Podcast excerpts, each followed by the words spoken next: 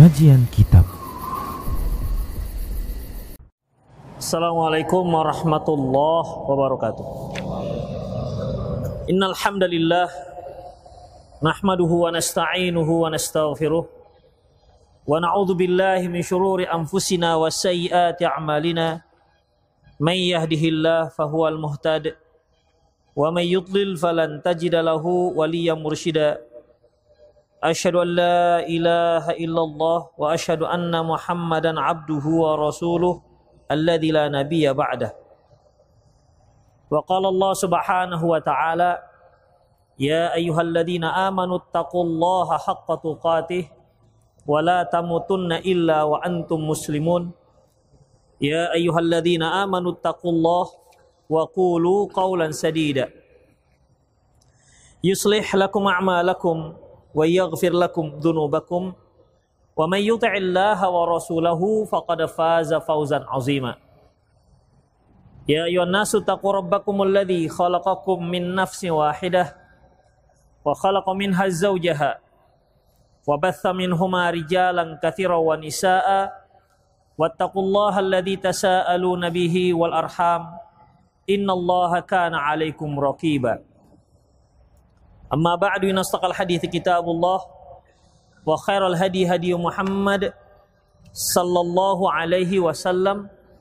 وشر الأمور محدثاتها وكل محدثة بدعة وكل بدعة ضلالة وكل ضلالة في النار Ikhwati wa akhwat rahimani Allah wa iyyakum.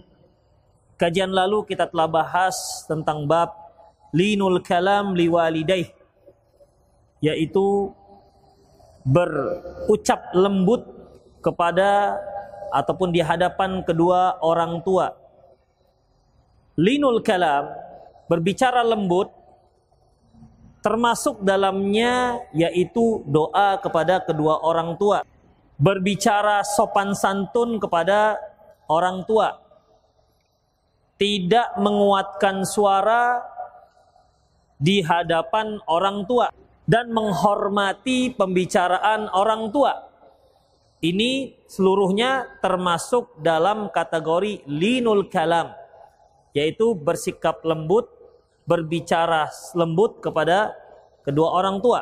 Kemudian Ikhofiddin, penulis menyebutkan kisah tentang Taisalah bin Ayyas, Taisalah bin Mayyas, atau Taisalah bin Ali yang dia tadinya adalah orang yang memahami pemahaman yang memiliki pemahaman khawarij yang mengkafirkan kaum muslimin yang melaksanakan ataupun yang melakukan dosa besar. Tapi dengan taufik Allah Subhanahu wa taala dia bertanya kepada orang yang tepat yaitu Abdullah bin Umar. Kisah ini persis seperti kisah Yazid Al-Faqir. Yazid Al-Faqir bersama rondo, rombongannya yang khawarij yang meyakini setiap orang yang masuk neraka maka takkan pernah keluar lagi, takkan pernah keluar lagi alias dia akan kekal selamanya di dalam neraka. Ketika rombongan ini pergi ke Madinah dan dengan takdir Allah di saat itu Jabir bin Abdullah sedang memberikan kajiannya di salah satu tiang Masjid Madinah, Masjid Nabawi. Rombongan Khawarij ini melihat sahabat Rasulullah memberikan kajian, maka mereka pun duduk mendengar apa kajian Syekh ini. Karena para sahabat yang masih ada pada waktu itu sudah sangat tua-tua, tua-tua. Apa kajian isi Syekh ini? Ternyata di sana dengan takdir Allah Jabir bin Abdullah menceritakan tentang hadis Jahannamiyun. Hadis Jahannamiyun ini ikhwatiddin isinya bahwa Allah Subhanahu wa taala mengeluarkan orang-orang yang sudah menjadi penduduk jahanam dikarenakan mereka mengucapkan la ilaha illallah. Tentunya ini bertentangan dengan bertentangan dengan keyakinan Yazid Al-Fakir bersama rombongan mereka. Rombongan mereka meyakini bahwasanya yang sudah masuk neraka tidak akan keluar lagi. Mereka akan kekal selamanya alias kafir murtad. Karena mereka semasa di dunia murtad. Baik, mendengar hadis al-jahannamiyun ini yang masuk neraka kok bisa keluar lagi? Lantas Yazid al-Fakir bertanya dan alhamdulillah bertanya pada orang yang tepat. Sebagaimana Taisalah tadi bertanya pada orang yang tepat. Yazid al-Fakir juga bertanya pada orang yang tepat, sahabat Rasulullah sallallahu alaihi wasallam. Karena sebagaimana yang telah kita kisahkan di kajian lalu, orang-orang Khawarij yang bermarkas di Haruri, tak ada sahabat di situ. Tidak ada seorang pun sahabat bersama mereka. Jadi tidak ada yang bisa dijadikan rujukan sebagai ilmu yang mapan. Ketika mereka bertemu dengan sahabat, langsung bisa berbalik. Meninggalkan pemahaman mereka. Sama dengan Yazid Al-Fakir ini. Alhamdulillah bertemu dengan Jabir bin Abdullah. Yang kebetulan bertepatan. Bertepatan menceritakan hadis Al-Jahannamiyun. Penduduk neraka Jahannam yang keluar dari Jahannam karena mendapat syafaat. Dan Yazid Al-Fakir bertanya, Ya Syekh, Bukankah dalam Al-Quran disebutkan Kullama aradu ayyakhruju minha u'idu fiha Ketik, setiap kali mereka ingin keluar dari jahanam, mereka akan dikembalikan. U'idu fiha. Wa qila nar dan seterusnya dan dikatakan kepada mereka rasakan azab neraka. Ayat ini menyebutkan bahwa setiap kali mereka penduduk neraka itu keluar akan dikembalikan lagi jadi tidak ada istilah keluar dari neraka. Kemudian dia juga menyebutkan barang siapa yang engkau masukkan ke neraka jahanam berarti faqada akhzaitah. Berarti engkau telah menghinakannya. Berarti selamanya. Inilah ayat yang dipakai oleh Yazid Al-Fakir bersama rombongannya Al-Khawarij. Makanya Rasulullah mengatakan bahwasanya orang-orang Khawarij itu ikhwafiddin yaqra'un al-Qur'an la yatajawazu antarokihim. Mereka baca Quran tak lewat dari sini, gak masuk ke hati. Artinya mereka memahami sesuai dengan selera mereka. Karena mereka itu dangkal pemahamannya. Jadi walaupun mereka orang-orang yang taat beribadah, mereka itu membaca Al-Quran tapi tak faham dengan isi Al-Quran. Wajar kalau Rasulullah mengatakan, yamrukuna minad din kama yamrukuna sahma min ramiyati. Mereka melesat dari agama seperti melesatnya anak panah dari busurnya. Apakah kamu lihat ada yang tersisa? Tentu tidak ada. Itulah orang-orang khawarij. Kemudian Jabir bin Abdullah menceritakan, menjelaskan tentang masalah makna Al-Quran dan hadis Rasulullah Sallallahu Alaihi Wasallam. Karena bagaimanapun Al-Quran harus dijelaskan oleh hadis Rasulullah Sallallahu Alaihi Wasallam. Tidak bisa hanya berpegang dengan Al-Quran. Maka ikhwafiddin, apa yang terjadi? Berkat taufik dari Allah, hidayah dari Allah. Semua rombongan tobat dari pemahaman khawarij. Semua. Kecuali satu. Itu dia. Kecuali satu orang. Gak tobat. Sama ketika Ibnu Abbas datang ke ke markasnya orang-orang Haruri, orang-orang Khawarij. Dia melihat wajah mereka tuh pucat, sangkin banyaknya puasa. Tangan mereka mengkapal, tebal, sangkin banyaknya sholat. Kalau kita kan pakai paling kaki kiri yang ada kapalannya di telapak kaki kiri, ya kan? Dekat dekat punggung telapak kaki karena duduk iftirosh. Itulah paling. Tapi kalau ini sangkin banyaknya coba, siapa di antara antum yang kapalan ini? Kalaupun kapalan paling tukang es itu paling. Iya, bukan dikarenakan sholat. Ini dikarenakan sholat kapalan tangannya. Bayangkan, demikian hebatnya mereka ibadah. Ketika datang Abdullah ibnu Abbas, kemudian berdakwah dengan dalil-dalil semua tobat meninggalkan pemahaman khawarij kecuali tiga orang. Itu dia. Kecuali tiga orang. Ada saja yang nggak nggak masuk. Ini gara-gara yang sikit-sikit ini sampai sekarang jadi banyak gara-gara mereka. Kalau punah waktu itu nggak ada lagi sekarang. Tapi itulah qadarullah khafiddin ada aja yang nggak taubat. Ya, ada saja yang menjadi pewaris-pewaris iblis. Akhirnya sampai sekarang berkembang biak lagi ikhwatiddin. Itulah dia, ya. Dia contoh kisah yang mirip dengan mirip dengan kisah Taisalah bin bin Mayyas ini ikhwatiddin. Baik, kita lanjutkan. Babul jazail walidain. Bab membalas kedua orang tua. Membalas jasa kedua orang tua. Qala musannif rahimahullah. Berkata penulis rahimahullah. Siapa penulisnya? Imam Al-Bukhari. Babul jaza al-walidain. Bab membalas membalas jasa orang tua. An Abi Hurairah radhiyallahu an. Dari Abi Hurairah radhiyallahu an anin Nabi sallallahu alaihi wasallam. Dari Nabi sallallahu alaihi wasallam qol, beliau bersabda, "La yajzi'ul waladun walidahu illa ayyajidahu mamlukan fayashtariyahu fayu'tiqahu bahwasanya seorang anak tidak akan bisa membalas jasa walidahu ayahnya kecuali jika dia melihat ayahnya statusnya sebagai budak lantas dia beli kemudian dia merdekakan tidak akan tidak akan bisa seorang anak membalas jasa orang tuanya. Kecuali kalau dia lihat orang tuanya hamba sahaya, itu dek dek jatuh nanti tuh. Itu siapa orang tuanya? Taib, apa tadi? Orang tuanya. Antum ujungnya aja orang tuanya. Tidak akan dapat seorang anak membalas jasa orang tuanya Kecuali kalau dia lihat orang tuanya itu statusnya sebagai hamba, lantas dia beli dan dia merdekakan. Kalau seperti ini, bisa dia membalas jasa kedua orang tuanya. Berarti Khafidin, untuk seperti kita sekarang ini, tak ada seorang anak pun yang bisa membalas jasa kedua orang tuanya.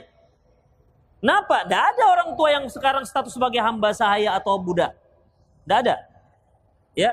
Jadi kalau Rasulullah Sallallahu Alaihi Wasallam, Rasulullah Sallallahu Alaihi Wasallam bersabda, la yajzi'u waladun walidah. Bahwasanya seorang anak tidak akan dapat membalas jasa walidahu itu artinya ayahnya. Penyebutan ayah di sini ikhafiddin bukan berarti kalau ibunya bisa, enggak. Penyebutan laki-laki di sini itu ayah, yaitu termasuk dalam sabda Rasulullah Sallallahu Alaihi Wasallam, Innaman nisa min ikir rijal. Sesungguhnya kaum wanita termasuk saudara kandungnya kaum laki-laki. Artinya hukum untuk kaum wanita itu juga hukum untuk laki-laki. Taib. Ketika di sini disebutkan walidahu, seorang anak tidak akan bisa membalas jasa ayahnya.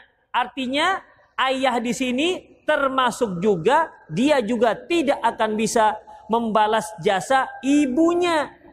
Jadi bukan penyebutan di sini hanya ayah dengan artian kalau ibu bisa kita balas, enggak. Nanti akan disebutkan hadis berikutnya. Contoh dengan seorang ibu bukan dengan seorang ayah.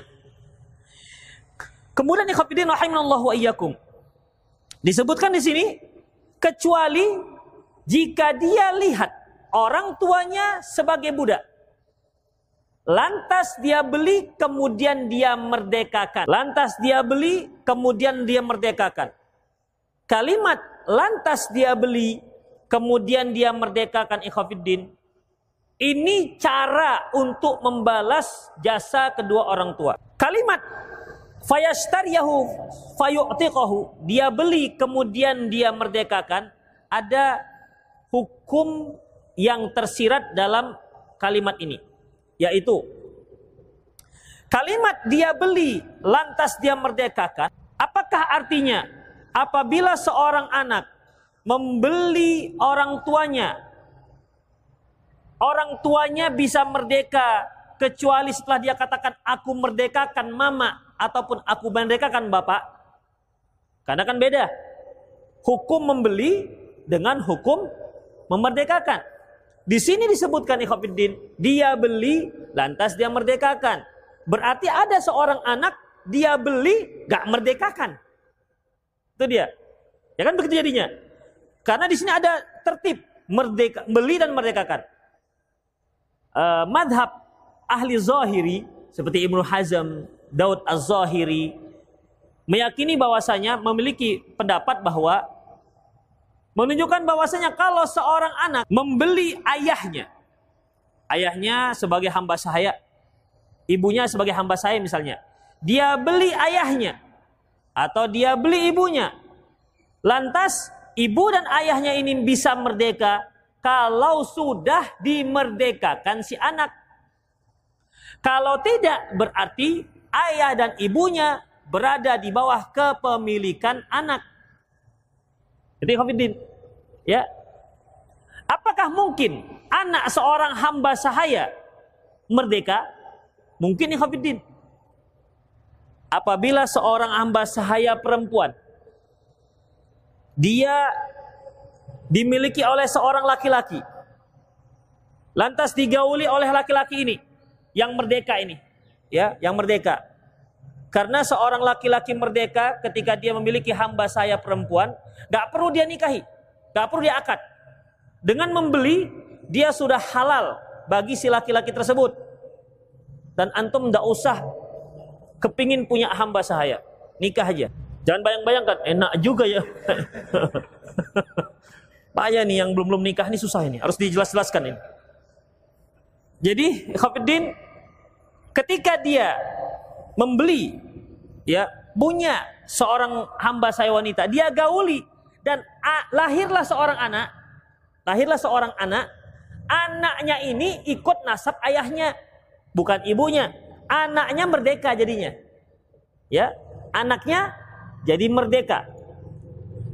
Dan apabila si tuan meninggal barulah si perempuan hamba sahaya lagi menjadi merdeka. Itu aturannya. Ya.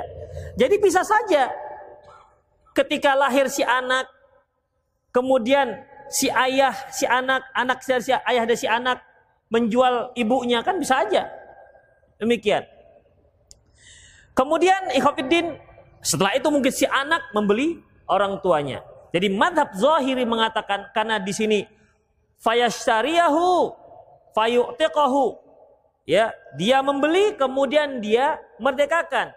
Madhab ahli zahiri mengatakan bahwasanya bahwasanya ibu yang dibeli oleh si anak ibu hamba yang dibeli oleh seorang anak maka dia tidak akan otomatis merdeka kecuali kalau sudah dimerdekakan oleh si anak.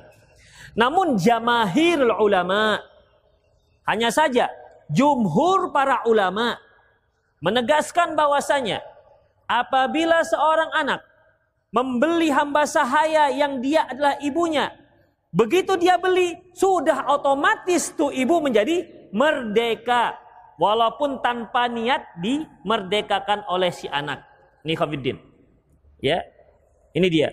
Adapun kalimat fayashtariyahu fayu'tiqahu dia beli kemudian dia merdekakan ini maksudnya ikhwafiddin suatu paket yang menyebutkan bahwasanya dia akan membalas oleh dibalas oleh uh, jasa tersebut si anak sudah membalas jasa si ibu. Demikian ikhwatiddin. Jadi dia beli sudah otomatis dia merdekakan. Itu ikhwatiddin. Jadi jumhur para ulama mengatakan bahwasanya kalau seorang anak kalau seorang anak membeli ibunya atau ayahnya yang statusnya hamba sahaya ketika dia sudah berpindah milik dari si A ke si anak otomatis ibu dan ayahnya sudah merdeka karena tidak boleh seorang anak memiliki hamba sahaya ibu dan bapaknya sendiri. Kedua, ketiga berarti hukum yang ketiga, yaitu itu kan kalau ayah dan ibu. Bagaimana kalau misalnya kakek, ya kakek, bapaknya kakek, atau anak, cucu, cicit misalnya, yang ke atas dengan yang ke bawah. Jumhur ulama juga mengatakan bahwasanya ya semua yang memiliki mahram, yang mahram yang ke atas dan yang ke bawah ketika dibeli oleh salah seorang mereka anak misalnya membeli kakeknya otomatis kakek menjadi merdeka anak seorang ayah membeli anaknya yang jadi budak otomatis si anak menjadi merdeka atau membeli cucunya yang jadi budak otomatis si cucu menjadi merdeka hanya yang ada khilafiyah dengan para ulama bagaimana kalau ke samping kalau ke atas merdeka bawah mereka, samping bagaimana? Seperti saudara dan seterusnya. Ya, saudara perempuan, saudara laki-laki itu pembahasan khusus ikhwafiddin. Jadi di sini ikhwafiddin maksud daripada fayastariyahu fayutiqahu dia beli kemudian dia merdekakan bukan berarti ya bukan berarti hukum tersebut harus dia merdekakan dulu. Enggak. Ya, bukan. Begitu dia beli, maka dia sudah otomatis merdeka. Rahimanallah wa iyyakum. Itulah beberapa hukum yang ada dalam dalam hadis ini. Ya tentunya untuk zaman sekarang tidak bisa seorang anak berbakti membalas jasa orang tua dengan cara seperti ini. Karena tidak ada sekarang orang tua yang statusnya sebagai hamba sahaya. Ini menunjukkan ikhwafiddin tidak bisa ya tidak bisa apa pun yang dilakukan oleh si anak. Tidak bisa dia mem membalas jasa orang tuanya. Apa pun ceritanya. Apa pun ceritanya. Sebesar apa pun jasanya terhadap orang tuanya.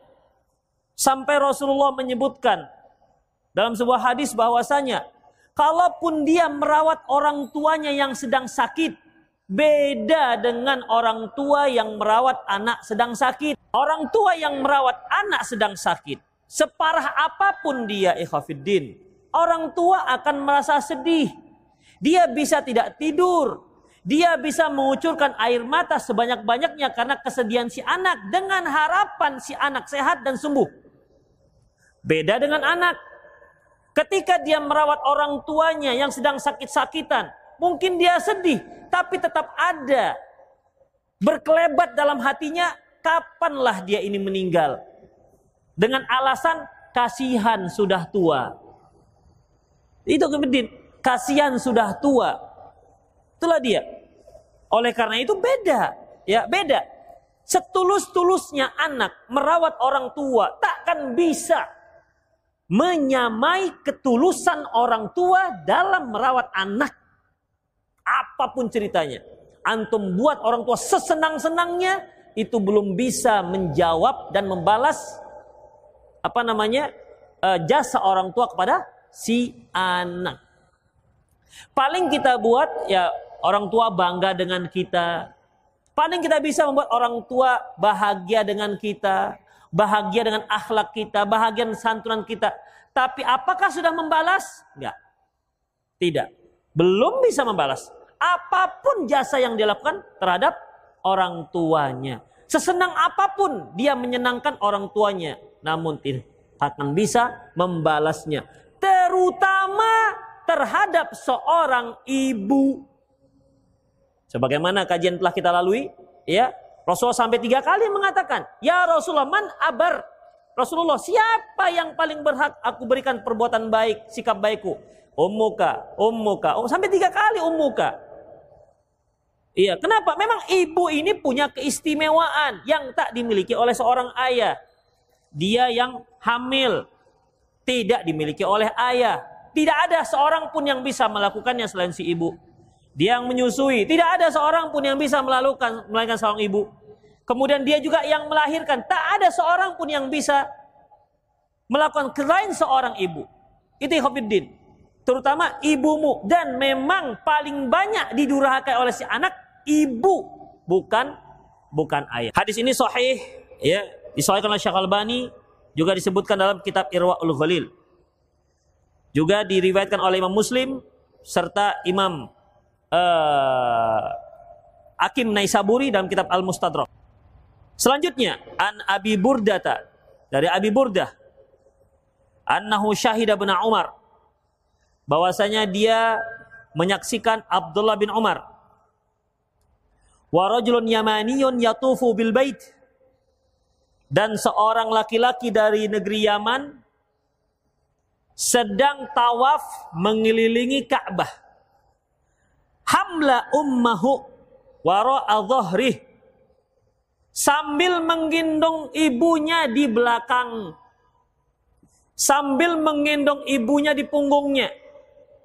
Jadi di belakang dia sambil menggendong ibu, gendong punggung. Yakul sambil mengatakan, Masya Allah, sambil bersyair ikhwafiddin. Dia sambil tawaf, gendong belakang ibunya, sambil mengucapkan sebuah syair. Apa dia? Inilah ba'iruha al-mudallal al-mudallal in udhir in ud'arat ruqabuha walam ud'ar. Saya ulangi, inilah ba'iruha al-mudallal in ud'arat In udharat rikabuha lam udhara. Katanya, aku adalah unta ibuku. Aku adalah unta ibuku yang sangat jinak. Kalaupun unta yang lain itu bisa takut, tapi aku unta yang gak pernah takut dengan ibuku. Kalau unta kan masih bisa dia mungkin lompat-lompat, mungkin lari. Tapi kalau aku unta yang takkan pernah takut, jadi sangat jinak. Jadi dari sini kan dapat diambil ikhafidin. Ini orang menggendong ibunya itu bukan terpaksa. Enggak terpaksa dia. Sambil dia mengucapkan malah bangga, saya adalah unta ibuku. Kalau unta yang lain masih mau dia meronta-ronta, tapi kalau aku unta yang sangat jinak, nggak pernah rasa takut. Itulah yang dia ucapkan ikhwafiddin. Ya, yang dia ucapkan sambil menggendong ibunya tawaf di Ka'bah. Baik. Di saat itu dia ketemu Abdullah bin Umar yang juga sedang tawaf. Dia katakan, "Qala ya Ibnu Umar, wahai Ibnu Umar, aturani jazaituha?" Wahai Ibnu Umar, apakah menurutmu aku sudah membalas jasa ibuku? Karena kan dibawa gendong, gendong ikhwafiddin. Bukan pakai kereta sorong, bukan. Bukan pakai kereta apa nama kursi roda enggak eh, ini kasur roda pun udah merepet. Lama kali mama nih. Asik dia yang kurus. Awak mau begini begitu begini begitu. Ya. Ini gendong dia nggak tanggung. Ya menggendong. Kadang-kadang ikhafidin jamaah namanya juga orang tua kan ditinggal dengan anaknya. Kenapa? Karena kalau emak harus disorong dari hotel ke Haram terus dorong dorong terus dorong. Kadang-kadang nggak boleh masuk. Ya kan? Kalaupun boleh itu ke atas, naiknya ke atas memang berat. Begitulah orang tua. Iya, akhirnya mak, mama tinggal aja ya lah ya mak ya. Akhirnya begitu ya Khofiddin. Ini digendong dengan dia maknya.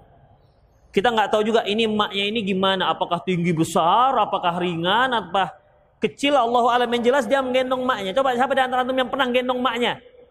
Tunjuk tangan. Siapa di antum yang nggak pernah digendong mamanya? Gak ada juga kan? Gak ada yang pernah digendong, gak ada yang pernah mengendong mamanya, dan juga gak ada di antara kita gak pernah digendong mamanya. Berarti kan mama semua yang betul, mama semua yang menang. Kita yang kalah terus. Gak bisa memberikan jasa. Baik. Dia tanya, ya Abdullah bin Umar. Ya Abdullah bin Umar. Kamu lihat saya gendong mama saya ini. Ibu saya saya gendong. Tawaf. Menurut anda, ini sudah membalas jasanya enggak? Itu Ikhwanuddin. Ini juga menunjukkan keikhlasan si anak. Ini kira-kira bisa nggak membalas jasa gitu. Ya. Dia si anak ini ingin mengetahui apa kira-kira yang bisa membalas jasa ibuku. Makanya ditanya. Kalau belum bisa, berarti aku harus berbuat lebih lagi. Ya, lebih lagi. Jadi dia bertanya kepada Abdullah bin Umar. Ini enggak cuman ngasih sarapan ibu bubur rasanya sudah macam ha, sudah membalas jasa sudah, sudah hebat. Itu pun pakai bentak-bentak lagi. Mama makan lama. Nanti mama sakit. Memang tujuannya bagus, tapi bentaknya itu enggak enak. Makan, mak. Itu Khofiddin. Ya, tujuannya baik, tapi bentak-bentaknya itu yang orang tua membuat menjadi ngelongso. Kasihan Ikhofiddin. Jadi Ikhofiddin, begitulah ya. Kita temui orang tua kita sedang sakit. Ternyata dia BAB di kasurnya. Coba Ikhlas nggak bersihkan BAB-nya itu? Insya Allah. Ya. Paling nanti pakai masker. Coba orang tua kita ketika beres BAB kita ada pakai masker. Pakai tabung gas yang Israel itu ada. Saking baunya, oh anaknya, nggak ada kan? Paling nakal kali, dah bagus ee-nya. Kan kalau ee anak yang baru baru lahir itu kan hitam. Lama-lama kan menguning. Seneng nih Khafidin. Ih, alhamdulillah sudah bagus ee-nya. Ah, bagus ee-nya coba. Bagus ee-nya, seneng, semakin bau. Itulah orang tua eh Khafidin. Coba ada nggak anak kita merawatnya? Iya, alhamdulillah mama bagus ee-nya. Gak ada. Ya, nggak ada. Mama kenapa nggak pergi ke toilet? Begitulah ikhwafiddin. Makanya kalau dibanding-banding nggak bisa memang. Apalagi kalau yang sudah pernah menjadi orang tua baru dia terasa. Ya, baru terasa. Baik. Qala kata Abdullah Umar, kata Abdullah bin Umar, la, nggak ada. Ya. Tidak ada tidak bisa membalas jasa orang tua wala bizafratin wahidatin bahkan tidak bisa membalas satu sakit sekali sakit saja yang dia rasa ketika melahirkan si anak zafrah ini ikhafiddin rasa sakit yang membuat tersengal jadi itu zafrah namanya ya kalau seorang ibu yang lagi melahirkan, itu kan nggak sekali sakit. Sakit seret keluar, enggak. Itu berkali-kali sakitnya. Mungkin bisa satu hari sebelum sudah berkontraksi sakit, kemudian dia sakit begitu, berkali-kali. Makanya kalau sudah mau melahirkan, biasanya pembicaranya bicara buka. Buka berapa, buka berapa, buka berapa, gitu biasanya. Ya, tahu lah, kan main buka-buka itu maksudnya. Bukan buka pik, nggak tahu. Masya Allah. Nanti pulang tanya mama, mak buka-buka kata Ustaz apa itu? Oh, udah. Jadi Khafidin bahkan sekali sakit saja yang dia rasakan di saat melahirkan itu belum bisa membalas jasa ibumu. Dalam hadis yang lain ada bahasanya Khafidin. Ya, ayo luka, eh luka, eh gelandangan gitulah kalau bahasa kita. Wala talqatan wahidan, bahkan satu sakit saja tidak tidak bisa dia balas. Satu saja. Berapa rasa sakit yang dia yang dia rasakan? Ya, berapa kali rasa sakit yang dia rasakan ikhwatiddin rahimani Allah wa iyyakum. Tapi anehnya, itulah ibu itu yang begitu ikhwatiddin. Anehnya, mungkin ada kaum wanita yang habis melahirkan dia tobatlah saya nggak melahirkan lagi. Kenapa sakitnya luar biasa, Mak? Gitu kan. Mungkin ketemu ibu-ibu yang mengunjungi gimana ukhti, namanya istri muda kan, gimana nggak mau lah lagi melahirkan sakit, itu dia. Coba nanti setengah tahun lagi. Coba setengah tahun lagi. Atau anaknya sudah berusia tahun atau dua tahun. Minta lagi. Bang, yuk percetakan baru. itu Ikhwanuddin. Ya tetap saja. Itulah coba Ikhwanuddin. Kan menunjukkan memang nggak bisa. Memang Memang itu fitrah seorang wanita nggak bisa. Kalau ayah siap-siap aja. Satu, dua, tiga, empat pabriknya siap saja standby terus selagi dia mampu. Ya, tapi kan tetap yang namanya sakit-sakit itu kan ke seorang istri ataupun seorang ibu. Makanya nih para para suami itu disayang-sayang tuh istri. Ya, kalau sakit tanya kenapa dik sakit, gitu tanya. Istri itu kalau ditanya perhatian dikit saja kita sudah sudah menghilangkan seperempat rasa sakitnya. Yang tiga perempat lagi belikan makanan, hilang Ajak makan hilang insya Allah. Itu khafiddin. Ya. Jadi para suami perhatikan itu. Kasihan tuh para istri kalau asik dibentak-bentak terus. Disayang-sayang tuh istri ya. Carinya dah susah, dapatnya pun satu.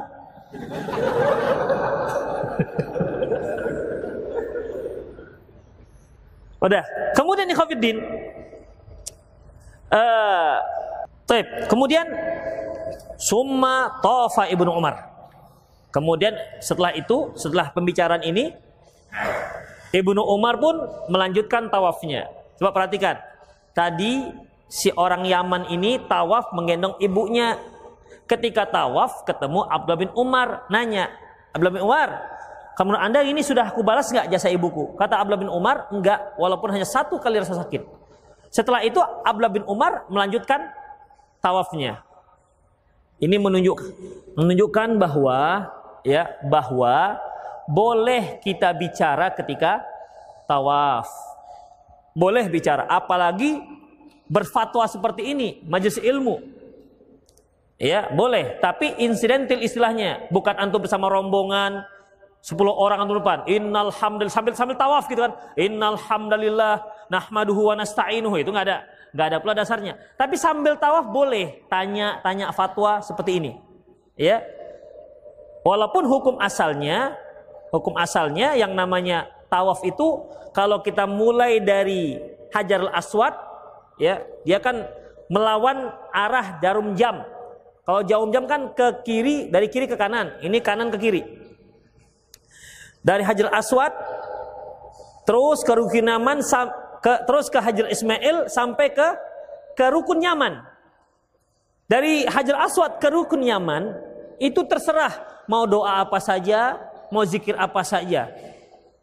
Tapi dari Rukun Yaman ke Hajar Aswad itu hanya satu doa yaitu Rabbil firli uh, Rabbana atina fid dunya hasanah wa fil akhirati hasanah wa qina adzabannar. Itulah asalnya ikhwatiddin. Silakan doa apa saja. Tidak ada doa khusus di situ. Yang ada doa khusus hanya dari rukun Yaman ke Hajar Aswad. Adapun dari Hajar Aswad mutar ke rukun Yaman kembali itu tidak ada doa khusus. Tidak ada zikir khusus. Nah, di saat seperti ini bisa kita bertanya dengan pembimbing, Pak Ustadz, ini gimana kalau seandainya saya batal? Boleh Pak Ustadz memberikan fatwanya sambil bertawaf atau berhenti atau berhenti juga bisa. Karena di sini Fatofa ibnu Umar, summa tafa ibnu Umar. Kemudian Abdullah bin Umar pun tawaf. Artinya kan bisa saja maksudnya berhenti. Ya, ngobrol berhenti karena bertanya tentang satu permasalahan. Jadi dibolehkan. Ya. Kemudian fa'atal makom. Lantas dia pun mendatangi makom. Maksudnya makom Ibrahim. Fasalla rakaatain dan beliau pun sholat dua rakaat. Ikhwatifidin rahimanallahu wa iyyakum. Uh, ini ini juga menunjukkan sunnah bagi orang yang tawaf setelah tawaf disunnahkan untuk sholat di belakang makom Ibrahim. Allah Subhanahu wa taala firman wattakhidu mim maqami Ibrahim musalla dan jadikanlah dan Laksanakanlah sholat di belakang makom Ibrahim. Makom Ibrahim ikhafiddin bukan makam dalam bahasa Indonesia yang artinya kuburan. Sebab beberapa minggu yang lalu sempat ada saya membahas masalah tidak boleh sholat di masjid yang ada kuburannya. Ustadz gimana nggak boleh? Itu di Masjidil Haram ada makam Ibrahim. Itu alasannya. Padahal itu makam bukan kuburan, tapi tempat kakinya Ibrahim, tempat berpijaknya Ibrahim alaihi salam. Ikhwafiddin, awalnya tidak belum ada disyariatkan apa namanya sholat di belakang makom Ibrahim. Kisahnya awalnya Ikhwafiddin terjadi pada uh, Umar bin Khattab radhiyallahu anhu dari Anas bin Malik kala kata Umar bin Khattab wafaqtullah fi thalathin aku mendapat taufik dari Allah untuk tiga hal Pertama, kultu ya Rasulullah. Aku katakan, wahai Rasulullah, lawit takhatta maqama Ibrahim musalla. Ya Rasulullah, kalau engkau jadikan kalau engkau salat di belakang makam Ibrahim dua rakaat. Fa Ibrahim musalla. Setelah itu turunlah ayat perintah wattakhidhu mim maqami Ibrahim musalla. Sejak saat itulah ikhwatiddin ya disunnahkan bagi setiap yang tawaf setelah tujuh kali putaran selesai, dia untuk sholat di belakang makom Ibrahim. Kalau seandainya dia tidak dapatkan, maka terus di belakang makom Ibrahim yang lebar ke belakang. Kalau tidak juga, Lajnah Imam mengatakan silakan dia sholat di tempat mana saja ya yang bisa dilakukan sholat. Yang lebih yang jelas sholat dua dua rakaat. Jadi itu ikhafidin. Padahal sebelum turunnya ayat Umar sudah menyarankan Rasulullah kalau sholat dua rakaat di makam Ibrahim. Baru setelah turun ayat, Rasulullah menetapkan disunahkan untuk sholat dua rakaat di belakang makam Ibrahim. Pokoknya kalau kita masuk Masjidil Haram, kalau kita tawaf, tak perlu sholat tahiyat masjid. Tawaf, sholat tujuh, tujuh kali, sholat dua rakaat. Udah. Habis itu mau, mau tawaf lagi, tawaf lagi silakan. Kemudian habis itu sholat dua rakaat. Masih kepingin lagi, tawaf lagi, sholat dua rakaat. Boleh, silakan. Sesanggupnya. Makanya ikhwafiddin, yang dianjurkan itu perbanyak tawaf, bukan perbanyak umroh ketika kita di sana. Karena memperbanyak umroh atau berkali-kali umroh dalam satu safar tidak ada dasarnya dari Rasulullah dan juga tidak ada dasarnya dari sahabat. Kalau dia tetap mau umroh berkali-kali juga, pergi dulu ke Madinah. Dari Madinah dia sudah umroh, mau balik lagi uh, umroh, silakan dia ke Madinah. Ambil lagi mikot di sana. Tapi kalau dia di di di, di Mekah, ikhafidin tidak pernah ada. Rasulullah pernah tinggal di Mekah selama 15 hari, tak pernah umroh berkali-kali. Para sahabat juga begitu, tak pernah umroh berkali-kali. Jadi sunnahnya sekali safar itu satu kali umroh. Yang berkali-kali itu adalah tawaf. Silahkan sesanggupnya. Satu hari itu mau sepuluh kali juga boleh. Demikian ikhwafiddin. Rahimanallah wa iyyakum. Tapi kalau dia masuk majil haram. Mau masuk tidak boleh oleh polisi. Karena dijaga sudah penuh di pelataran makom. Di pelataran tawaf. Maka dia boleh sholat. Dia sholat tahiyat al-masjid. Itu ya khafiddin rahimanallahu wa iyyakum. Itu yang pertama. Yang kedua, kultu ya Rasulullah kata Umar. Yadkhulu alaikal bar wal fajir. Sesungguhnya yang datang mengunjungi Anda itu ada orang baik, ada orang nggak baik. Kalau amarta ummahatil mu'minin bil hijab. Sangat bagus sekali kalau Anda perintahkan bagi ummahat muminin artinya istri-istri beliau supaya pakai hijab. Maka turunlah ayat hijab. Ya ayuhan nabi kulli azwajika wa banatika wa minisal mu'minin seterusnya. Tapi Umar sebelum sudah ngomong, sebelum turunnya ayat. Yang ketiga kata Umar, ketika sampai kepadaku bahwasanya Rasulullah apa namanya tak enak hati dengan istri-istrinya. Lantas kata Umar mendatangi para istri. Kalian kalau seperti ini membuat, rusak, membuat susah Rasulullah, nanti Allah akan tukarkan kalian dengan perempuan yang jauh lebih baik dari kalian. Ya jangan macam-macam dengan Rasulullah. Habis itu turun ayat, ya. Asa rabbuhu in tallaqakunna ayyubdilahu azwajan khairam minkunna. Bisa saja kalau beliau menceraikan kalian, Allah akan tukar dengan istri-istri yang lebih baik daripada kalian. Mau apa enggak? Turun ayat. Pak tadinya adalah omongan Umar bin Khattab. Makanya Rasulullah katakan, seandainya ada orang yang mendapat ilham, setelahku, maka Umarlah orang yang mendapat ilham. Jadi tiga ayat turun itu sebelumnya sudah diomongin oleh Umar bin Khattab radhiyallahu anhu. Jadi di sini salatlah Abdullah bin Umar di belakang makom Ibrahim. Kemudian summa qala, atas dia berkata, "Ya benar Abi Musa, wahai anaknya Abu Musa." Maksudnya Abu Musa Al-Asy'ari, "Inna kulla raka'ataini tukaffirani ma amamahuma." Sesungguhnya dua rakaat, salat dua rakaat akan menghapuskan dosa setelahnya. Akan menghapuskan dosa dosa yang terjadi depannya, setelahnya. Itu Khafiddin azinallahu. Jadi intinya hadis ini ya, hadis ini e, menunjukkan pada kita bahwasanya bagi siapa, bagi orang-orang yang memiliki akhlak yang luar biasa, dia akan berusaha bagaimana caranya agar dia bisa membalas jasa ibunya ataupun orang tuanya walaupun dia tahu tak akan ada yang bisa membalasnya kecuali kalau dia memerdekakan kedua orang tuanya. Jadi tapi keinginan untuk itu harus tetap terus ada menyala pada diri kita sebagai seorang anak yang pernah diasuh. Ingat ikhwatiddin hadis yang lalu wa in zolama walaupun mereka telah menzalimi kita maka kita tetap wajib berusaha untuk membalas berbakti kepada kedua orang tua. Wa in zolama kata Walaupun mereka berdua telah menzolimi. Jadi orang tua yang menzolimi kita itu tidak bisa dijadikan sebagai dasar untuk kita membalas kezoliman tersebut. Itulah ikhwatiddin azinallahu iyyakum hadis ya. Hadis apa tadi? Dari Abi Burdah. Ya, cukup semoga bermanfaat. Aku lu hadza wa astaghfirullah li wa lakum muslimin. Silakan jika ada di antara antum yang bertanya. Fadol.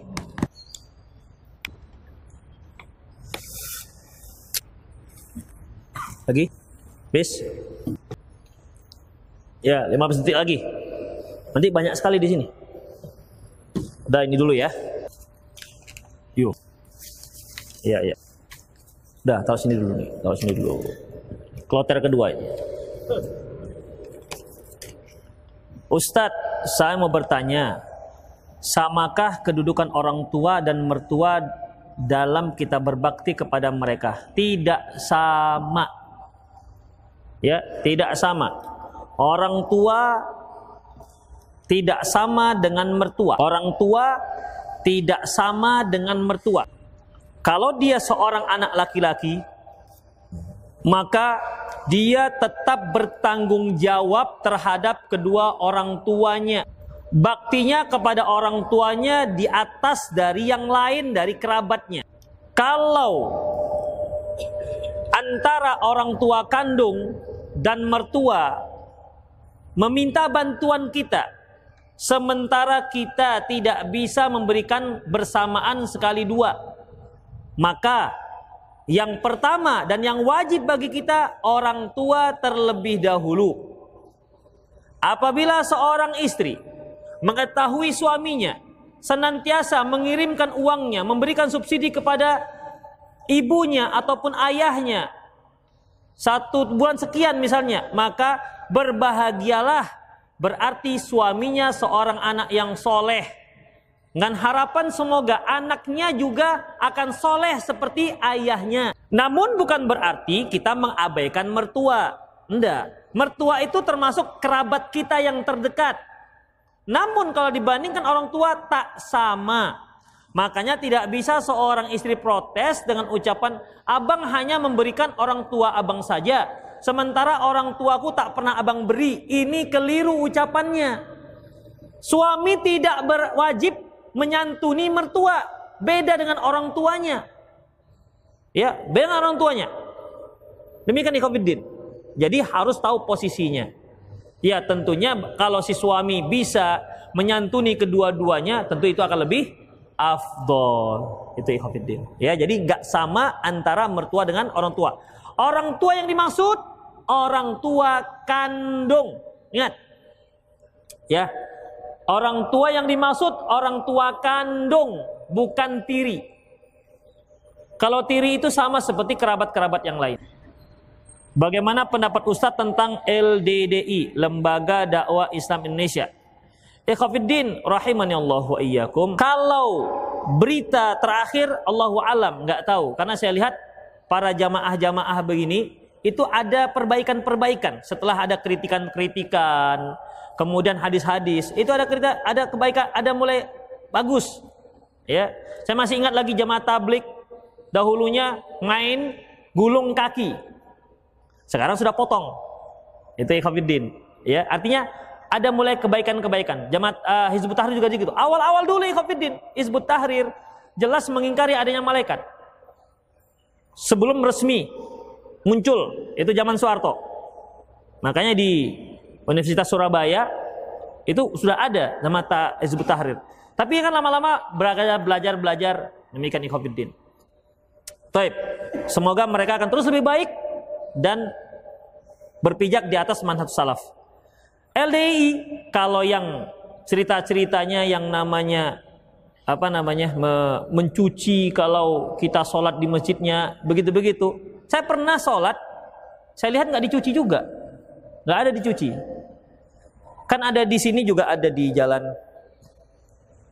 Asoka, tahu jalan Asoka ujung yang simpang simpang jalan apa namanya, yang ke arah Asam Kumbang, ujung itu ada sebelah kanan. Kalau kita dari dari ring road, ada itu. Saya pernah sholat di situ. Ya, tengok nggak juga nya di diusap-usap. Tapi khafidin rahimallahu wa iyyakum yang seperti ini bisa masuk pada hizbiyah. Kenapa? Karena dia mengelompok. Mengelompok dan dia tidak berbaur dengan kaum muslimin. Hanya di antara mereka-mereka saja ada ketuanya dan harus taat dengan ketua.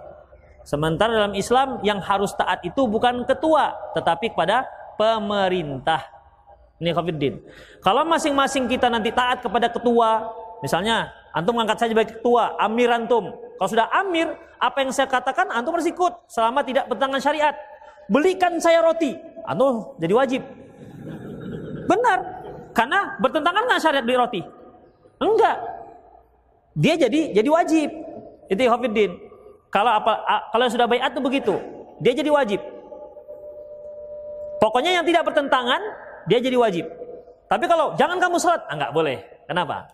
Itu kalau yang dikatakan amir harus taat selama tidak tidak menyalahi syariat begitu. Tapi dalam akidah sunnah wal jamaah taat seperti ini hanya ditujukan kepada pemerintah, bukan amir-amir ataupun ketua-ketua jamaah. Itu dia. Allahu alam bisawab.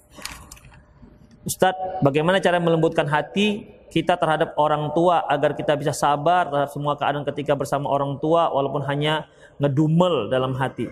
Itulah ikhafiddin yang namanya cobaan. Itulah cobaan kita. Gak kan mungkin Allah mengatakan mengatakan bahwa orang tua itu merupakan pintu surga yang bagian tengah kecuali pasti ini suatu hal yang sulit al jaza ma'al jinsil amal yang namanya ganjaran sesuai dengan amalannya ini pasti sulit ikhafidin. Kenapa? Gedumel itu tetap ada. Apalagi kalau dengan ibu, cerewetnya luar biasa. Itu dia ikhafidin. Jadi bagaimana? Ya sabar. Sebagaimana mereka bisa sabar dengan kita, kita juga sabar dengan dia. Betapa sabarnya mereka menjaga kita. Betapa sabarnya mereka ceboin ompol kita, ceboin kita, buang air besar kita. Dan mereka lakukan itu dengan sangat senang hati. Betapa sabarnya. Ya, Bahkan kalau kita bangun malam, kita sehat, senang dia. Padahal mereka, padahal kita bangun malam itu bukan karena sakit, karena lasa. Gak tidur kita malam, ya. Orang tua bangun gak tidur, senang kenapa? Yang penting anaknya sehat. Padahal gak tidur malam. Kan ada jenis anak ini, kalau sudah malam main aja begitu, main aja. Ada, ya nggak tidur malam dia. Kalau siang tidur aja. Bukan berarti ada gen kampret. Memang ada jenis anak seperti itu. Demikian Ifabiddin. Ya. Jadi ya memang harus sabar. Ingat jasa mereka. Ingat hadis yang tadi. Ingat hadis yang tadi. Mereka meminta kita satu hal yang gak seberapa yang mereka inginkan. Mungkin hanya menyuruh kita masak nasi lah. Atau ikhwafiddin, antum yang sedang kuliah mereka itu ingin antum itu sukses dalam kuliahnya. Sehingga apa pun yang mereka jual di kampung sana itu mereka rasakan ada balasannya. Jangan sudah pulang pergi dari kampung meninggalkan kampung, kuliah di USU, tiba di USU main ke internet aja. Ya, atau ada jenis yang lain yaitu asik sibuk organisasi aja kerjanya. Akhirnya apa? Enam tahun kuliah baru tamat kuliah, hampir di DO baru. Ada seperti itu. Nggak boleh. Itu amanah. Antum pulang pergi dari kampung ataupun orang tua melepas antum datang ke kampus itu amanah antum harus kuliah. Makanya Khavin kawan-kawan kita yang di UGM itu pintar-pintar luar biasa. Ya. Bukan dangak-dangak gitu cara mikirnya. Ya, bahasa mana dangak-dangak ya. Iya. Bukan pentium-pentium satu gitu enggak lama loadingnya, uh, muter-muter, begitu baru mikir. Enggak, pintar-pintar Ikhafiddin. Kenapa? Amanah.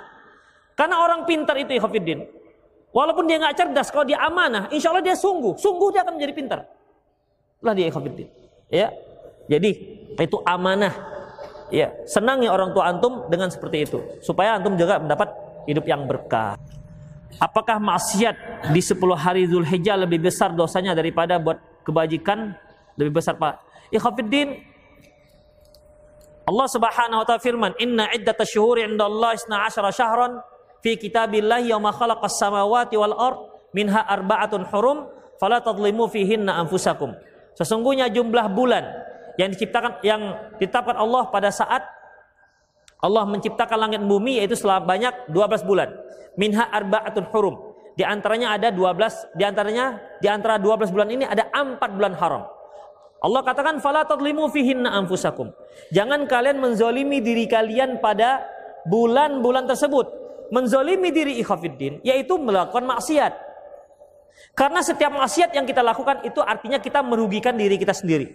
Taib, Allah katakan jangan kalian menzalimi diri kalian di empat bulan ini. Terus yang delapan bulan yang lain apa boleh? Tetap nggak boleh. Allah sebutkan khusus menunjukkan ini lebih terlarang lagi, yaitu di empat bulan haram. Zulqa'dah, Zulhijjah, Muharram dan Rajab.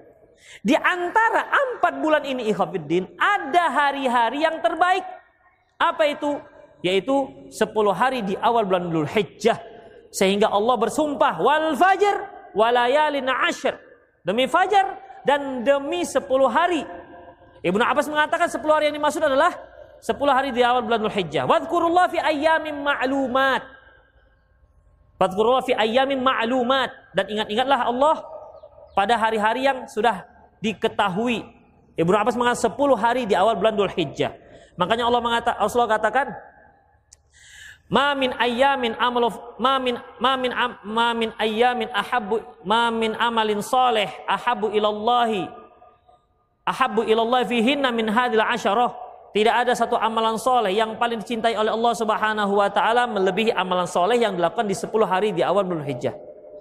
Kalau walal jihad fisabilillah, ya Rasulullah bahkan lebih hebat dibandingkan jihad fisabilillah walal jihad fisabilillah. Bahkan lebih hebat ketimbang jihad fisabilillah. Illa rajulun kharaja bi nafsi wa malihi wa lam yarji' min. Kecuali kalau dia seorang keluar untuk jihad, bawa jiwa dan bawa hartanya dan tak pulang dengan apa pun, artinya tewas dalam jihad. Dalam jihad. Kalau orang seperti itu lebih hebat dibandingkan amalan soleh di 10 hari di awal bulan Dhul Hijjah.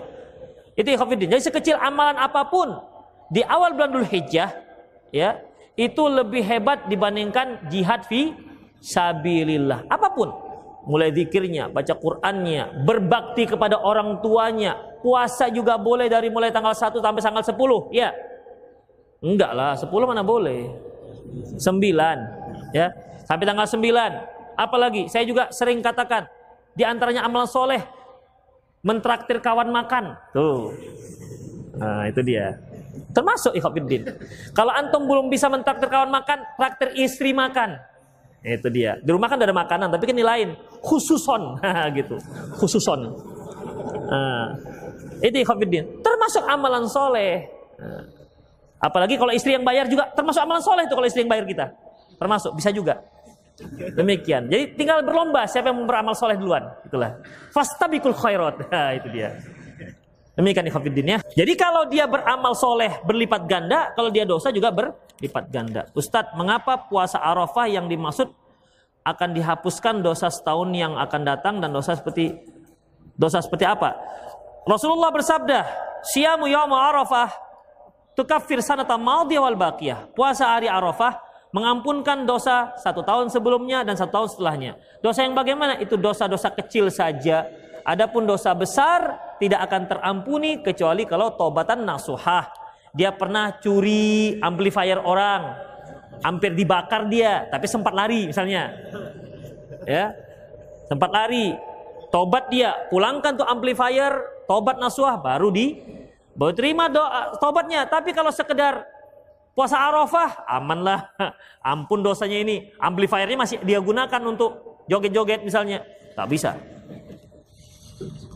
Apakah sama hukum memakai jam dari besi dengan cincin dari besi beda jam dan besi itu beda ya jam itu berada di pergelangan tangan cincin di jari jadi harus antum bedakan ya antara cincin dan jam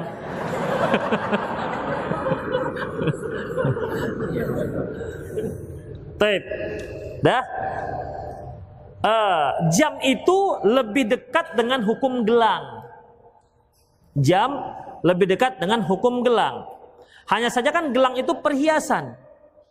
Beda fungsinya dengan jam, jam tangan. Ya, jam tangan fungsi awalnya adalah untuk mengetahui waktu.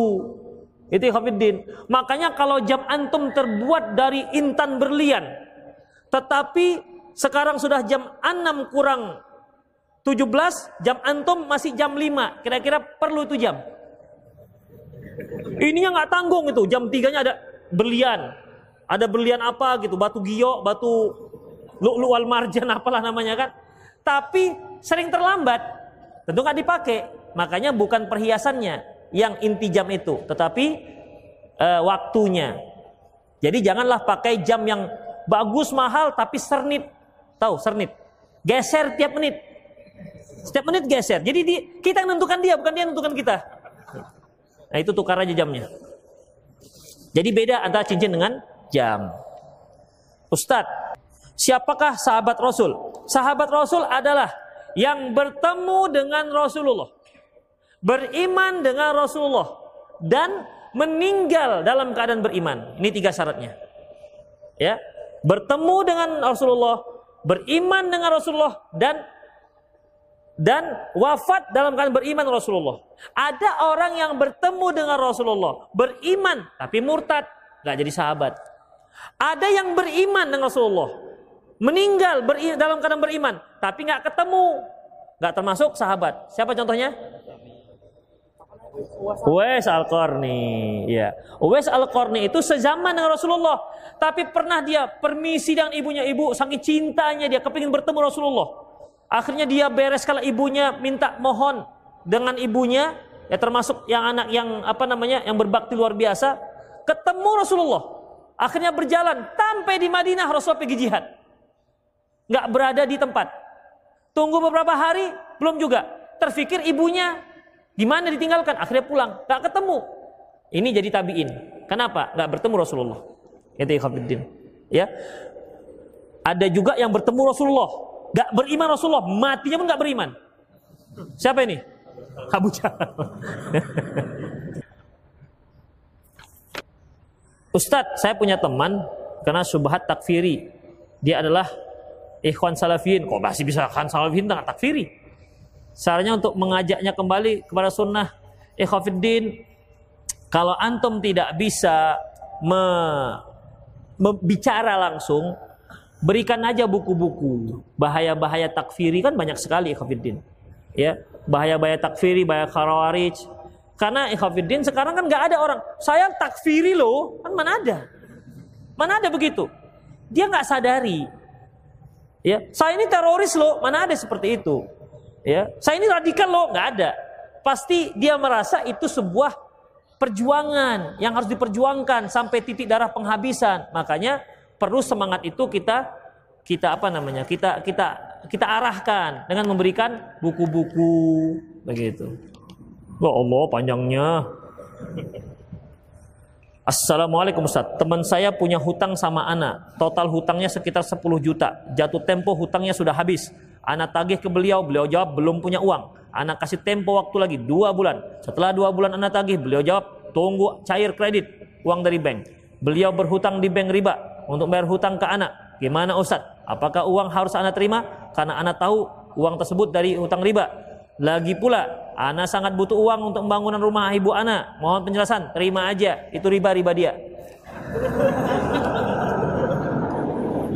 Capek bacanya aja.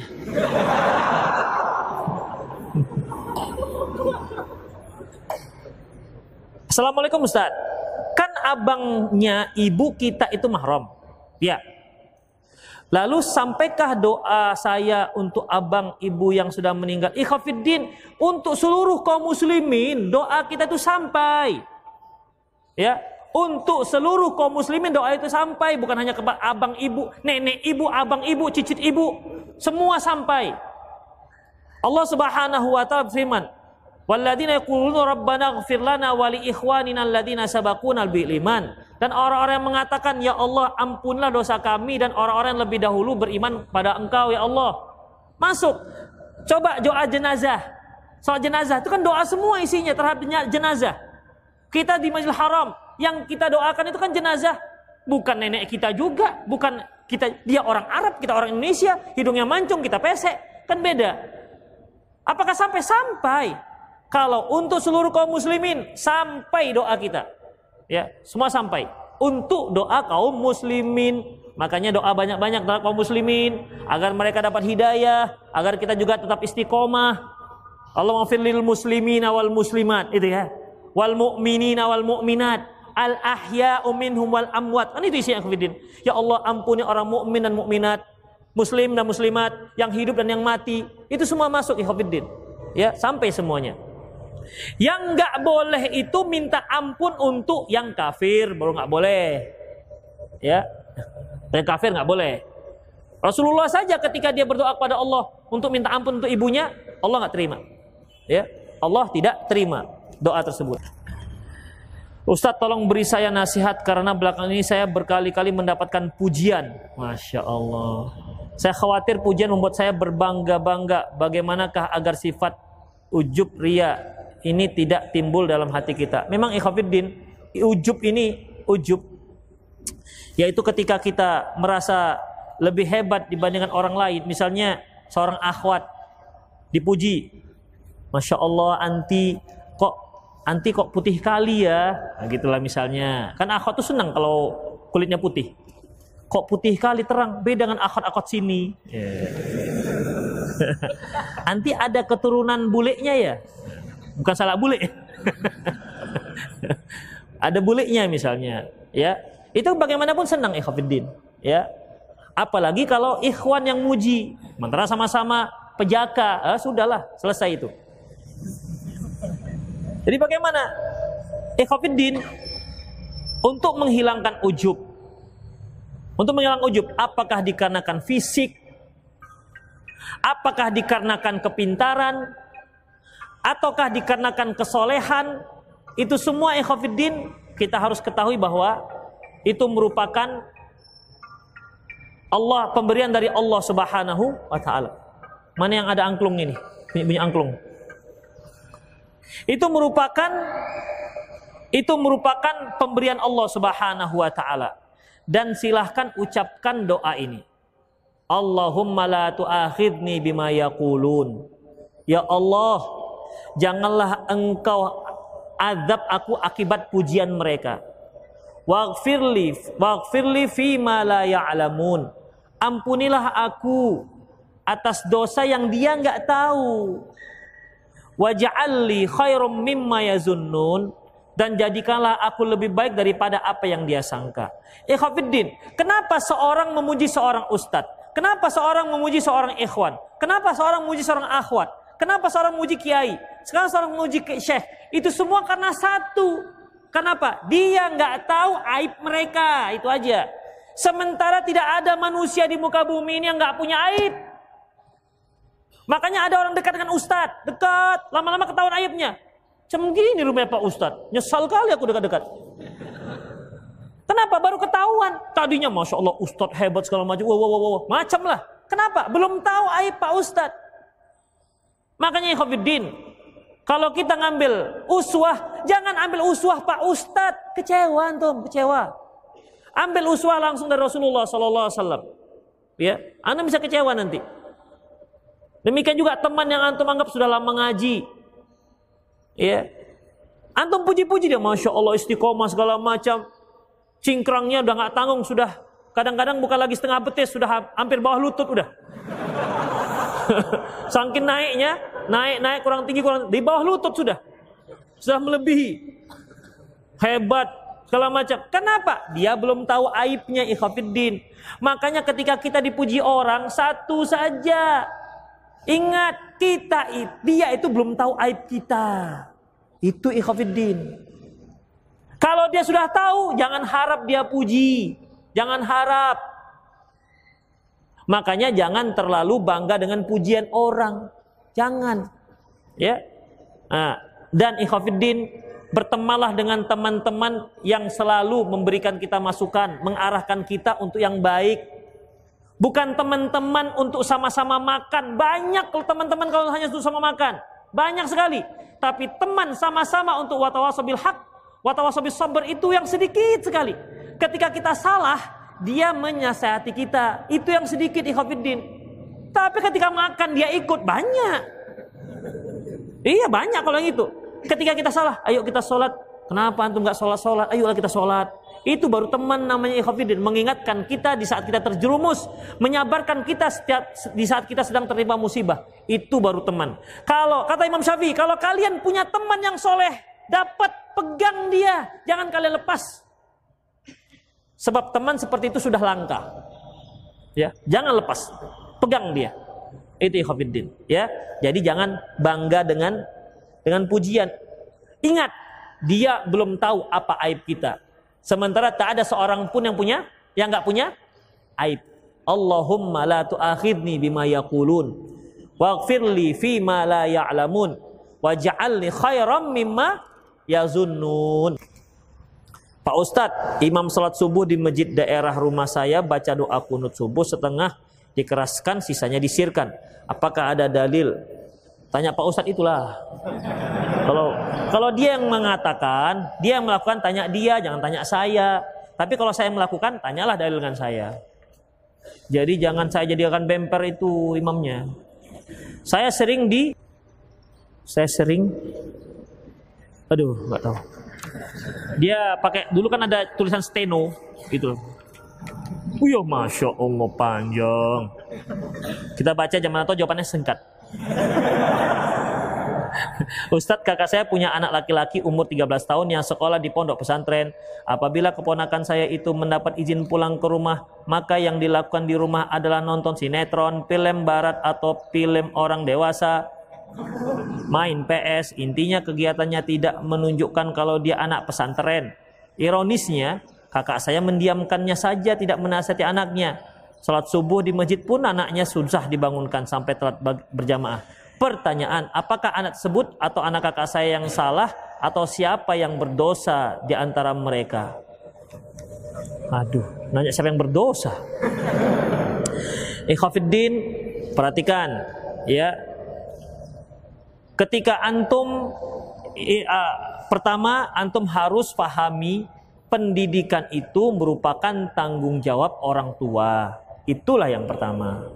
Adapun sekolah itu membantu ya. Apalagi ibu, ibu itu madrasatul kubro. Ibu itu merupakan madrasah yang besar. Madrasah pertama untuk generasi. Kalau kalian siapkan ibu yang baik, berarti kalian sedang menyiapkan generasi yang terbaik. Makanya pilihlah calon-calon istri yang memang madrasah-madrasah yang kubro, madrasah yang terbaik. Kalau yang punya madrasahnya sudah mulai doyong, runtuh, tukar dengan madrasah yang lain. Kasihan itu anak ketimpa madrasah, ketimpa genteng. Makanya ikhwafiddin, kalau tuh madrasah tidak bisa diperbaiki, dia doyong, sudah di apa ganjal sana ganjal sini tapi bawaannya bawa doyong aja sudah daripada menimbulkan korban yang isinya orang belajar dalamnya rubuhkan. Ganti dengan yang lain. Iya, cari yang bataku. Jadi yang belajar di dalamnya itu, yang belajar dalamnya itu tenang. Demikian ikhwafiddin. Itulah makanya kita disuruh mencari istri yang solehah. Supaya madrasahnya itu bagus. Karena kita tuh sering di luar ikhwafiddin. Itu dia, ya.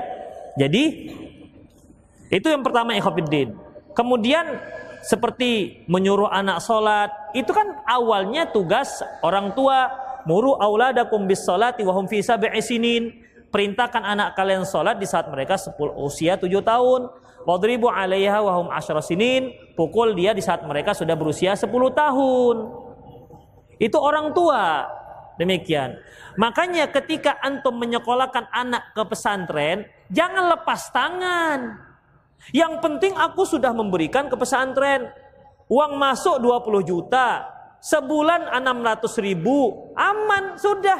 Lepas tangan, ikhafidin keliru. Ingat, ketika orang tua punya anak lima orang, dia kewalahan mendidik anaknya. Konon lagi di pesantren, satu orang tua, anak yang 40. Bisa diperhatikan satu-satu sebagaimana kita memperhatikan anak kita yang lima orang, yang empat orang, yang tiga orang, yang dua orang. Beda ya Khofiddin. Jadi nggak bisa disamakan antara didikan orang tua dengan didikan pesantren. Jadi kalau antum sudah menyekolahkan anak pesantren, tetap ada hubungan antara pesantren dan orang tua. Terus perhatikan, jangan-jangan pesantren yang antum masukkan itu nggak masalah, nggak sholat. Yang penting bisa bahasa Arab. Pulang Masya Allah udah macam Abu Jahal aja dia. Kaifahaluka tapi nggak sholat. Untuk apa? Ya, untuk apa gunanya kalau begitu? Mendingan Mendingan dia nggak bisa bahasa Arab tapi dia sholat. Demikian ikhafidin, maka pilih-pilih juga pesantren. Kadang-kadang orang tua begitu, pulang anaknya sudah pakai bahasa Jerman, bahasa Inggris, bahasa Arab. Ya abati ta'al. Oh, udah ngeri. Dia pun, what is my drink? Wah, udah nggak tangguh woi, dua bahasa anak aku taunya. Paling itu, itu aja taunya. Tapi orang sudah sudah bangga, ya. Nggak sholat nggak masalah. Makanya ikhwatiddin sekali lagi tanggung jawab pendidikan orang tua pesantren bantu. Kalaupun antum sudah masuk anak pesantren, terus dipantau dengan gurunya, terus komunikasi ini bagaimana anak saya. Jangan-jangan memang, jangan-jangan peraturan pesantrennya nggak masalah nggak sholat ke masjid. Nggak masalah anak sholat sendiri masing-masing di rumah. Jangan begitu. Kita nggak tahu ikhwatiddin. Ya, Jangan-jangan nih pesantren hanya banyak ekstrakurikuler kurikulernya aja. Apa itu? Keratinya, silatnya, berenangnya. Udah, pulang-pulang dikerati semua. Ada dikerati semua. Makanya ikhwafir itu harus perhatikan juga pesantrennya. Jadi dosa siapa? Gak tahu, bisa dosa bisa dosa semua. Bisa dosa pesantren, bisa dosa si anak, bisa dosa orang tua. Kita nggak tahu ikhwafiddin. Jadi itu perlu penelitian lebih lanjut untuk menjelaskan siapakah yang berdosa. Salah siapa? Ini salah siapa? Kan nggak mungkin saya katakan kamu tanya saja pada rumput yang bergoyang. Kan nggak mungkin. Bagaimana sikap kita kepada orang tua ibu yang suka berburuk sangka kepada orang lain? Ibu saya punya trauma karena ibunya bersikap demikian dari mudanya sampai sekarang. Ikhwafiddin, ya kalau itulah salah satu cepat curiga misalnya. Ya gimana ya? Seorang ibu buruk sangka tentu kan kitalah yang tahu bagaimana bagaimananya. Gimana supaya dia nggak berburuk sangka, ya. Sebab sebab buruk sangka juga beda. Karakter ibu yang buruk sangka yang satu dengan karakter ibu buruk sangka yang lain juga beda. Sebab traumanya juga beda. Jadi di harus dilihat dulu apa latar belakangnya, bagaimana sikapnya, karakter. Jadi tidak bisa dijawab begitu saja ikhwatiddin. Balil insanu ala nafsi basira seorang itu lebih tahu tentang dirinya. Jadi dipelajarilah ibunya. Intinya kan bagaimana caranya agar ibunya tidak berburuk sangka. Sampai-sampai kalau ada ikhwan yang mau melamar anaknya juga jangan-jangan ini mau grogoti harta saya. Padahal tidak. Pansi ikhwan itu memang ikhlas sekali melamar anaknya. Walaupun dia belum punya kerja, tapi kan ikhlas. Itu bisa saja buruk sangka akan terjadi. Apalagi kalau dia sudah pobi dengan jenggot. Wih, jenggot ISIS ya? Langsung begitu. Buruk sangka dia. Gak tahu dia orang jenggot itu orangnya lembut-lembut ya kan? Iya kan, Ikhwah? Iya kan? Enggak. Iya itu dia. Ustadz, bapak saya belum bisa baca Quran, sudah saya suruh, tapi belum belajar, belajar. Bagaimana kondisi di akhirat? Jadi antum pak belajar pak, belajar, belajar, gitu. Ya antum ajarilah, Pak. Sini saya ajari pelan-pelan. Begitu, antum yang ajari. Udah habis waktunya. Ini dua, satu aja ya, yang dari yang banyak ini, yang kloter kedua ini. Yang kecil mana tuh? Nah, ini. Surat Ibrahim ayat 4, kami tidak mengutus seorang rasul kecuali dengan bahasa kaumnya. Nabi Isa bahasa apa ini? Aram. Apakah Injil itu bahasa Aram? Sudahlah, antum gak usah cerita masalah Injil lah. Quran aja udah, ya Allah. Injil sudah lewat bahasanya. Udah, udah lewat bahasanya. Uh, mengenai bahasa Injil, bahasa Ibrani. Gimana bahasanya? Saya juga nggak tahu. Ya, udah antum pelajari aja bahasa Arab, baca aja Al-Quran mengenai bagaimana sih sebenarnya bahasa Injil membuat saya gelisah Ustaz. Udah nggak usah gelisah. Biarkan saja. Udah. Ada yang lebih penting untuk antum pelajari. Udah. Saya nggak bisa Ustaz sholat kalau nggak bisa tahu. Itu namanya lebay bin alay. Udah nggak usah. Ada yang lebih penting untuk kita pelajari dibandingkan untuk itu semua. Wa ma arsalna wa ma arsalna illa bilisani kaumin liyubayyina lahum. Itu artinya kami tidak utus satu kaum, satu rasul kepada satu kaum kecuali dengan bahasanya. Supaya apa? Supaya rasul ini bisa menjelaskan pada kaumnya. Makanya Khafir coba, saya buat ceramah. Kemudian saya pakai bahasa Padang. Para nini mama orang tua-tua, gimana antum bisa paham apa yang saya omongkan? Iya kan? Atau saya pakai bahasa Arab. Makanya Rasul itu diutus di kaumnya Supaya apa? Bisa menjelaskan dengan bahasa kaumnya. Intinya supaya masuk hidayah. Ini juga salah satu manhaj dalam berdakwah. Berbicaralah hadisul kaum biqadri ukulihim. Bicaralah satu kaum dengan yang bisa mereka fahami. Ketika kita bicara misalnya, kemudian kita pakai bahasa ilmiah. Bahwa apa? Bahwa saya transmigrasi itu merupakan sebuah irigasi yang di mana reboisasi itu tidak begitu menganesisi. Yang apa kata orang tahap? Paling orang kata, hebat kali Ustadz ini. Bahasanya ilmiah semua. Terus mak maksudnya apa? Gak tahu, pokoknya hebat lah.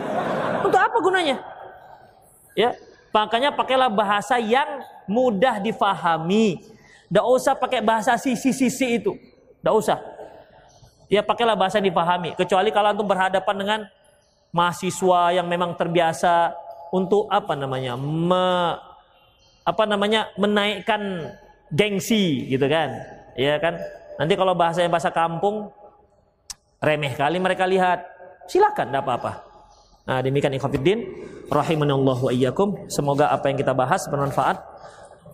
Qulu qawli hadza wa astaghfirullah li wa lakum wal muslimin innahu ghafurur rahim. Subhanakallahumma wa bihamdik. La ilaha illa anta astaghfiruka wa atubu ilaik. Wa akhir da'wana alhamdulillahi alamin. Assalamualaikum warahmatullahi wabarakatuh.